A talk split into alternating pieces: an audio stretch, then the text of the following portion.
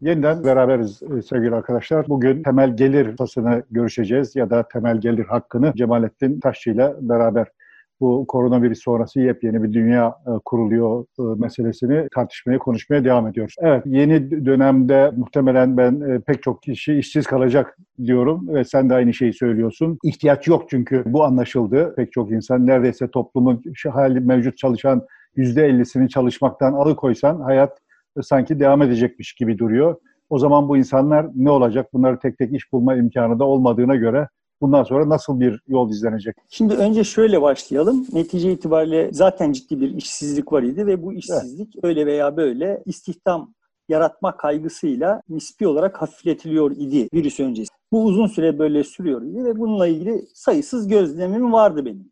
Ama bu gözlemlerle e, yetinmek de gerekmiyor. Geçenlerde yapılmış bir araştırmada insanlara kendi işlerinin ne kadar elzem olduğu sorulmuş ve nüfusun çalışan nüfusun ciddi bir bölümü kendilerinin işlerinin çok da lüzumlu olmadığını kabul etmiş. Evet. Böyle beyan etmiş yani. Burada beni şaşırtan, araştırmada beni şaşırtan şey ben bunun kamu sektörüne daha ağırlıklı olacağını tahmin ediyorum. Ama özel sektörde ve mesela finans sektöründe bu çok yüksek oranda çıkmış yani. Şimdi bu Rozak Cult of Information'ı yazdığımda çok 70'lerin sonuydu yanlış hatırlamıyor ise otomasyonun getirdiği sıkıntılardan söz etmiş ve işte orada demişti ki yani tamam işleri kaybediyoruz buna karşılık da yeni iş açılıyor fakat bu yeni açılan işler vasıf işte orada misal olarak verdiği e, tornacıyı alıyoruz gökdelen camı silici yapıyoruz türü örnekler veriyor ve bunun kötü bir şey olduğunu. Oradan itibaren çok yol kat edildi ve biz mesela hatırlarsın otoyol gişelerinde insanlar çalışıyor. çalışıyor Şimdi e, oto, otoyollardan yani servis sektöründen de insanları dışarı çıkartmaya başladı. Yakın gelecekte bütün araçlar mesela şoförsüz çalışabilir hale gelecek. Şimdi e, bazı metrolar metrolar şoförsüz çalışıyor. İnsan olmadan evet, çalışıyor. Yani, Birçok şeyin insansızlaşması zaten mümkün idi ama buna katlanılamıyordu. Çünkü bölüşüm emeği endeksiydi. Evet. Geçen sefer söylediğim gibi yani eğer emek yoksa, insanları çalıştırmıyor isek onların üretimden nasıl pay alacaklarını tayin edecek elimizde bir takım şeyler yok, teknolojiler yok yani. Sıkıntı buradan kaynaklanıyordu. Dolayısıyla işi icat ediyor idik. Bu koronavirüs bize birçok şeyi değiştirme fırsatı veriyor ama en bariz biçimde gösterdiği şey şu ki e, işler önemli bir bölümü lüzumsuzmuş. Olmasa da oluyormuş. Ya ama bu sefer insanlar ne yapacaklar? Asıl temel evet, soru da şimdi, bu. Evet yani sonuçta insanlar ne yapacaklar, insanlar ne yapacaklarını bulurlar. İnsanların ne, neyle geçinecekleri sıkıntı. Tabii tabii geçim yani. Şimdi burada evet burada evet yani burada esas e, sıkıntı yaşadığımız hususun şu olduğunu düşünüyorum. Yani insanların geçinmesi diye kastettiğimiz şey belirli bir tüketim kapasitesine sahip olması. Eğer evet. üretim var ise sıkıntı üretimdeydi. E, bundan 40 yıl önce, 50 yıl önce bile sıkıntı üretimdeydi. Talep tarafına çekilen bir ekonomi vardı. Talep arzdan çok daha yüksek. Ama belli bir dönemdir arz talebi geçti. Bunun en tipik e, göstergesi reklamcılık sektörünün patlaması.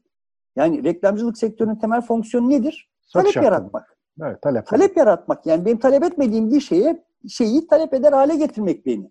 Demek ki üretim talebi geçmiş, arz talebi geçmiş. Şimdi biz virüsten çıktıktan sonraki dönemde üretim e, üretim azalmayacak ki, üretim düşmeyecek yani. Sıkıntı ürettiğimiz kadar şeyi tüketebilir halde olmamız ve bunun içinde insanların geliri olması gerekiyor. Ama mesela orada tarımda bir takım kıtlık olabileceği, bazı e, ürünlerin yetmeyeceği e, söyleniyor ve tarımın hemen kısa sürede bir e, makine üretimine geçmesi de e, mümkün değil. Bir geçiş dönemi de lazım orada. Şimdi tarımda bir takım tarımsal ürünlerde bir takım sıkıntılar olabilir. Bu işlerin teferruatını bilmiyorum ama şunu biliyorum.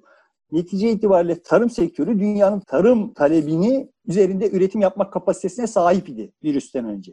Evet. O Zaten de yapıyordu yani biz bizim çocukluğumuzda kıyaslanmayacak kadar yoğun bir israf, tarımsal üretim israfı içinde yaşıyoruz ve buna rağmen bu karşılanıyor yani. Ama anlamakta ve kabul etmekte zorlandığımız husus şuydu ki küçük üreticiler hızlı bir biçimde piyasadan çekilmek zorunda kaldılar. E, Bunun fabrika, ölçekleri... bir fabrika, büyük üretim, büyük çaplı üretim, çok küçük büyük, üretim evet. çekti evet. Mesela şu çok anda büyük köylerde yaşayan insanlar pazar için herhangi bir şey üretmiyorlar. Sadece kendi geçimleri için kendi ihtiyaçları için. O da belki meşgaliyet olsun diye aslında üretiyorlar. E, kendi geçimleri ekonomik için. Ekonomik değil. gerek yok. E, ekonomik değil. Yani senin 5 dönüm 10 dönüm arazide yaptığın üretim ekonomik değil. Ve ekonomik ölçek diye bir, bir husus var. Yani sonuçta bütün olay bunun etrafında dönüyor yani. Adamın orada 200 bin dönüm arazide yaptığı üretimi sen burada onar dönüm e, arazilerle yapamazsın. Yaptığın zaman ekonomik olmaz. Yani insanların karnı doyurmaz. O üretimi yapanın karnı doyurmaz. Çünkü kar marjı çok. Çünkü üretim çok yüksek. Talebin çok üstünde üretim var. Dolayısıyla da kar marjı düşük. Sen şimdi 5 ailenin geçindiği 200 bin dönüm arazide 5 ailenin geçinmesine yol açan işi burada 20 bin aileyle yapmaya çalışıyorsun. Dolayısıyla da bu olmuyor. Ama deminki soruna dönecek olursam e, virüs sonrasında tarımsal üretimde bir sıkıntı olabilir mi? Ben şimdi teknik altyapısını, te- teferruatını bilmiyorum. Mutlaka bir sıkıntı olacak. Ama bu Sıkıntı geçiş büyük- döneminden kaynaklanan bir sıkıntı galiba. Yani şey Tabii değil. tabii. Yani tedarik zincirlerinde bir aksama olacak. Bir yıl firma bat, daha da batacak. Sonuçta bizim de atıyorum Brezilya'da üretilmişti olan bir tarımsal ürünü İzmir limanına indirip Türkiye'ye dağıtmamızı sağlayan ağda bir zincirde bir yıl bakla vardı. Bunların bir tanesi iki tanesi kırıldığı zaman ye- yenilenmesi onun tamir edilmesi zaman alacaktır. Bir takım aksaklıklar olacak. Olacaktır yani. Bu konuda bir şeyim yok. Ama esas üzerinde durmaya çalıştığım husus şu. Sonuçta bir üretim kapasitesi var ve o üretim kapasitesi duruyor. Bu, Bu harekete virüs geçirilebilir. Bu sonrasında İyi de peki bu Bir insan şey daha var. evet Bir şey daha var. Sonuçta bu sektörlerde de biz demin sözünü ettiğim takıntılar nedeniyle aslında insansız yürüyebilecek olan işlerin önemli bir bölümünde hala insanlarla yapmaya çalışıyoruz. Ama bu virüs baskısı bize işlerin insanlara bağımlı olmasının ne kadar riskli olduğunu da gösterdi. Dolayısıyla hızlı biçimde insansızlaşacak. İnsansızlaşması için teşvikler artacak. Aksine idi. İstihdam yaratacak teşvikler vardı. Şimdi insansızlaşması için teşvikler artacak. Dolayısıyla bizim virüs öncesinde yaşıyordu olduğumuz işsizlik artı gizli işsizliğin çok üstünde işsizlik oranları ortaya çıkacak diye bakıyorum. Şimdi burada meseleye şöyle bakmak gerektiği kanaatindeyim. Neden biz 60 yıl önce üretemediğimiz kadar çok üretebiliyoruz? Neden üretebiliyoruz? makine. İmalat faktörleri, imalat dediğimiz tantananın imalat faktörleri vardır. İşte arazi, işte sermaye, işte emek, işte know-how vesaire filan falan bir yığın faktörü vardır. Yani bu faktörlerin verimlilikleri vardır. Hepsinin verimlilikleri arttı bunların. Nasıl arttı? Ağırlıklı olarak know-how, üretimde know-how ve sermaye birikimi çok yoğunlaştı. Şimdi bu sermaye dediğimiz şey nedir? Benim dedem, senin deden kendi dönemlerinde işte ya da hadi babalarımızın dönemine gelelim. Diyelim ki e, İstanbul'da Boğaziçi Köprüsü yapılması, tartışması gündeme geldiğinde hatırlıyorsun. Yani köprüye harcanacak para şuraya harcansın, yok buraya harcansın gibi alternatifler var. Evet, Boğaziçi Köprüsü, Boğaziçi Köprüsü bir üretim faktörüdür. Sonuçta sana, bana bir takım şeylerin daha düşük maliyetle gelmesini sağlayan bir şeydir yani. Daha bol miktarda, İktisat- daha kısa sürede ve daha Evet. düşük maliyette gelmesini sağlıyor. Evet, iktisadi faktör yani. Şimdi bu iktisadi faktörü yapabilmek için Türkiye 70'lerde olağanüstü bir fedakarlığı göze almak zorunda kaldı. Toplum olarak da fedakarlığı göze aldı. Bu şu demek, İstanbul'da Boğaziçi Köprüsü'nü yapmak için harcanan kaynak ZAP üzerine köprü yapmaya, işte bilmem nereye okul yapmaya, şuraya köylüye teşvike falan falan gidebilirdi. Gitmedi. Yani birilerinden alındı. Bu iktisadi faktör inşa edildi. Anlatabildik mi derdim bilmiyorum. Sonuçta biz bugün bir zamanlar yapılmış birilerinin fedakarlığıyla, bizim babalarımızın, dedelerimizin fedakarlığıyla, onların dedelerinin fedakarlıklarıyla yapılmış olan şeylerin rantını yiyoruz hepimiz. Dolayısıyla benim babamdan bana kalan miras nasıl hak ise toplam üretim kapasitesini çok arttıran şeylerin hepsi benim hakkımdır. Hepimizin hakkıdır. Herkesin Hepimizin bütün- evet, hepimizin dedeleri fedakarlık yaptı bunlar. Benim dedem bir kundura alabileceği, kundurasını yenileyebileceği, böylelikle işte Nasır'ından daha az rahatsız olabileceği şartlarda şeker fabrikası yapılması sebebiyle kendisine kaynak aktarılmadığı için şeker fabrikasına fedakarlık yapmış oldu ve çok şeker fabrikası üretimi yaptı. Orada bir yığın know-how birikti. Şimdi daha kestirmeye gelelim. Sonuçta ben ODTÜ mezunuyum. E ODTÜ'yü Türkiye yaparken çok ciddi bir maliyeti göze aldı. Öyle mi? Evet. Sonuçta bu maliye ve diğer üniversiteler. Yani. ODTÜ ve diğer Yani üniversiteler için hep Ben buradan ben buradan mezun olduğum için bu misali veriyorum. Yoksa Evet. tabii ki bu genel bir şey yani. E, ODTÜ yapmak için Türkiye ciddi bir e, maliyeti göze aldı ve o ODTÜ'den ben faydalandım. Ve ben ODTÜ mezunu olmak hasebiyle buna yaslanarak bir iktisadi rant sahibi. Yani bana ODTÜ mezunu, üniversite mezunu olmayandan daha kıymetlidir deyip daha yüksek maaşlar ödendi. Halbuki ODTÜ ondan yararlanan benim fedakarlıklarımda olan bir şey değil ki. Bütün toplumun fedakarlıklarıyla olan bir şey. Ve ODTÜ'de öğretilen iktisadi sonuçta o ODTÜ'de bir know-how üretiliyor. Oradan işte iktisadi verim elde ediliyor, rant elde ediliyor. Orada üretilmiş olan insanlar üzerinden. Ve bunu sadece bu insanlara veriyorduk biz. Halbuki bütün topluma verilmesi gerekiyor. Bütün toplumun hakkıdır bu. Benim bakış açım ana hatları itibariyle temel gelir bir haktır. Bugüne kadar bu hakkı veremiyor idik. Çünkü o kadar zengin değildik. Şimdi o kadar zenginiz, görünüyor bu kadar zengin olduğumuz. Yani zenginlik Burada derken bir, bir, birinci itiraz şuradan olacaktır. İnsanlar hemen şunu soracaklardır. Peki kardeşim bu temel geliri ödeyeceksin. Yani insanlara belli bir maaş ödeyeceksin geçinebilmeleri için. Bu parayı devlet nereden bulacak? Şimdi sonuçta temel meseleyi şöyle bir kilo olarak koyalım ortaya. Ortada bir üretim var. Evet. Sen, ben, hiçbirimiz katılmadan da gerçekleşebilir olan bir üretim var. Bu üretimin, üretimden benim payım, benim hakkım var diye baktığım zaman oradan sonrası çözülebilir problemler silsilesidir. Devlet diye bir şey kalacak mı bakalım? Yani şimdi devlet bunu nereden verecek diye e, sorduğumuz zaman devlet diye bir şey kalacak mı? Ama Bizim bugün anladığımız lazım bunun yürümesi için. Sonuçta e, adı devlet. Bunlar benim düşüncem, senin düşünmen. Bunlar benim, senin düşüncelerimiz diye düşünmemiz gereken ve çözmemiz gereken problemler değil. Bunlar toplumsal gerilimler içinde siyaset denen kurum marifetiyle bir içinde çözüme kavuşturulacak şeyler. Bizim üzerine kafa yorabileceğimiz şu. Temel gelir bir hak mıdır değil midir? Bir lütuf mudur? Şimdiye kadar bu işin arkasına yatan temel şey Kardeşim bak çok ciddi bir işsizlik var. Parayı da dağıtamıyoruz. Parayı dağıtamıyoruz. Para sadece bir aracı faktör. Aslında temel mesele ortada bir üretim var ve bir talep tüketim olması gerekiyor bu üretimi dengelemek için. Tüketim olabilmesi için de insanların eline para geçmesi. İnsanların eline para geçmesini emeğe endekslemişsen ama üretim emeğe endeksi değil ise o zaman bunu eşit olarak ya da adil olarak ya da boş ver her şeyi iktisadi olarak paylaştıramıyorsun. Yani yeterince talep olmuyor. Dolayısıyla ürettiğin... Şimdi orada ikinci bir itiraz da şuradan gelecektir. Birinci programda bir miktar e, değindik sadece geçtik. Birileri çalışacak. Niye e, bu insanlar çalışmadan e, para sahibi Çalışan. olsunlar ve yesinler? Çalı- çalışan ekstra parasını alacak. Temel gelirin temel felsefesi bu. Temel gelirin temel felsefesi herkese şu ücret ödenecek. Üzerine sen ekstra bir takım işler yapıp bir takım gelirler elde ediyorsan buna mani bir şey yok. Yani Sovyetler Birliği'ndeki gibi eşit işe eşit ücret değil yani. Eşit işsizliğe eşit ücret gibi de algılanabilir bu yeni durumda. E, ya- bu da e, iş denen şeye bakış açımızın Değişecek. değişmesi gerekiyor. Değişmesi gerekiyor. Yani değişmedi. Daha doğrusu sapık bir yolda bir yönde değil. Yani iş dediğimiz şeye bakış açımız değişti. Benim kayınpederim 7 gün 24 saat çalışıyordu. Yani evde oturduğu zaman bile adamın kafası sürekli bir takım rahmetlinin bir, bir takım problemleri çözüyor. Bir iş yapmak üzerineydi. İş yapmadığı anı, zamanı israf olarak görüyordu. E ben öyle değilim. Sen öyle değilsin. Bizim babalarımız böyleydiler ama biz öyle değiliz. Bizim çocuklarımız daha da bizim gibi değiller. Ba- İşe bakışları değişti ama bu ya- yanlış bir istikamettedir. Mesele işe bakışı, bakışımızın daha rasyonel, daha iktisadi bir zemine oturması gerekiyor. Birincisi bu.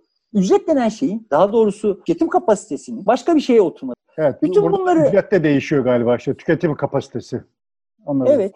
Kapitalizm kapitalizm diye şikayet edilip duruluyor vesaire filan falan. Kapitalizm dediğin tantananın özü neydi tarifi? Marx tarafından tarif edildi. Emeğin sömürüsü üzerineydi. Evet. Şimdi emek yok.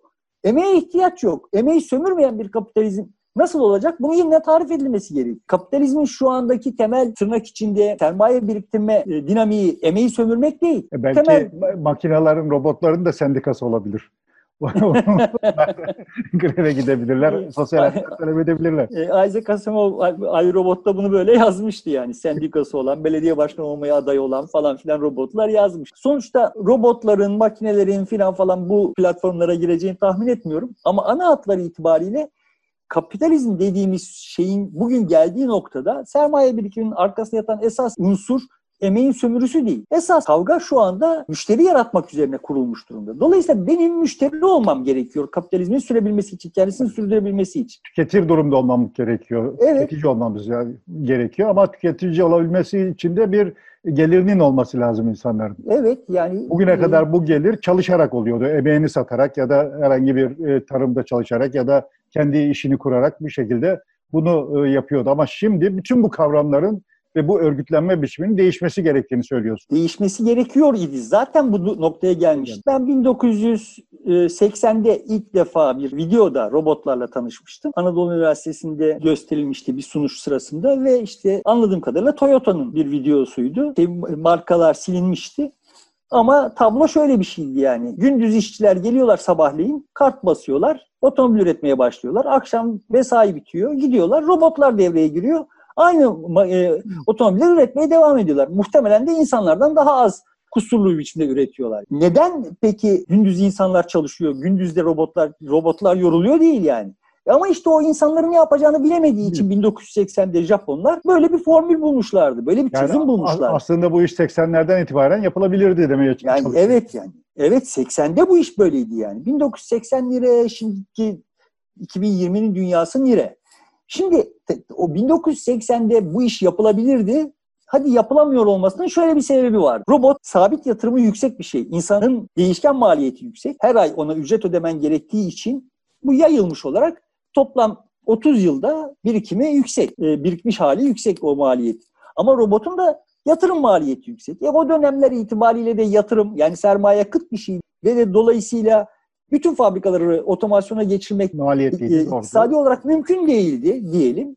Ama şimdi tablo öyle değil yani. Şimdi içinde yaşadığımız misaller görünüyor ki bir yığın iş kolaylıkla makinelere devredilebilir olduğu halde makinelere devrettiğimiz zaman o insanlara ücret ödeyemeyeceğimiz için bunu yapmıyoruz. Bugün Evet. sermaye açısından veya teknolojik olarak veya başka bir sebeple biz darboğazımız yok. Bir tek darboğazımız. Biz insanlara ücret ödemek için emeğe ihtiyaç duyuyoruz. Kendi kafamızdaki bir duvar bu. Bu duvar kalkacak diyorum. Şimdi Yani- e, sona geldik süremiz doluyor. E, Şöyle, Türkiye'den şöyle bir rakam verebiliriz. Geçtiğimiz yıla kadar 8 milyon yoksula düzenli yardım yapılıyor idi. E, yerel yönetimler ve hükümet e, aracılığıyla. Şimdi bu rakamın 12 milyona çıktığı söyleniyor. Aslında belki hani temel e, gideri karşılayacak, ihtiyacı karşılayacak kadar bir gelir temin edilmese bile belli oranda işte 12 milyon insana düzenli yardım yapılıyor e, Türkiye'de. Aslında e, bu uygulama başlamış. Ama biz bunun adını sosyal yardım olarak koyuyoruz. Bunu Lütuf değiştir- olarak evet bu bir lütuf olarak veriliyor. Evet. Bu bir hak olarak görüldüğü zaman yani bunun üzerine çok konuşmak isterim daha yani. Bunu ka- kavramlar bir tanesi tetiklendiği zaman bir tanesi kaydığı zaman her şey nasıl kayacağı üzerine konuşabiliriz. Ama mesele şurada. Gözden kaçırdığımız şu. Biz herkese para ödediğimiz zaman, herkese bir temel, temel gelir ödediğimiz zaman iktisadi faktörlerin tamamı bununla birlikte değişir. Dolayısıyla atıyorum eğer bir devlet kalacaksa ve bu temel geliri devlet dağıtacak ise devletin gelirleri de artar. Evet. Yani şimdi şimdiki devlet üzerinden konuşuyoruz. Bu devlet 12 milyon kişiye bunları verebiliyor. Ama herkesin tüketici olduğu durumda, tüketici olabildiği durumda bir kere zaten şey değişecek. Şu anda nüfusun belirli bir kesimi gelirin, toplam gelirin yani diyelim nüfusun %20'si toplam gelirin %70'ini ne sahip şu anda? Atıyorum rakam. Dolayısıyla o %20'nin nispi olarak yüksek bir gelir sahibi olanların e, taleplerine uygun bir üretim gerçekleşiyor. Halbuki sen temel geliri gelir vasıtasıyla herkese bir gelir sağladığın zaman üretim kompozisyonu değişecek. Yani düşük gelirlere yönelik üretimlerin toplamdaki payı artacak. Bir yıl buna benzer değişimler olacak. Bir tane değişiklik 40 tane değişikliği değişikliği getirecek. İstersen burada keselim, buna devam edeceğiz. Son şeyleri söyle cümleleri. bir şey söylemek diyorum ya sonuçta bu temel gelir meselesi iktisadi anlamdaki değişimlerin sadece bir tanesi. İktisadi meseleler de bu virüs sonrası değişeceğini söylediğim şeylerin sadece bir kısmı. Bir tane e, faktörü yani. Bizim e, kafamızda oluşmuş olan zihin dünyamızdaki bariyerlerden sadece bir tanesine dokunduğumuzda neler olabileceği ne işaret etmeye çalışıyorum. Yoksa böyle çok bariyer var. Değişmesi gereken çok şey vardı. Ve bunlar bir tanesinin zemini kaydığı zaman hepsinin zemini kayacak. Evet gal- galiba önümüzdeki dönem e, bu meselelerin çok tartışılacağı, konuşulacağı ve gerilimin bu, bunun üzerine büyük oranda inşa edileceği bir süreç başlayacak gibi gözüküyor. Evet. İstersen burada bitirelim. Görüşmek üzere sevgili Görüşmek dostlar.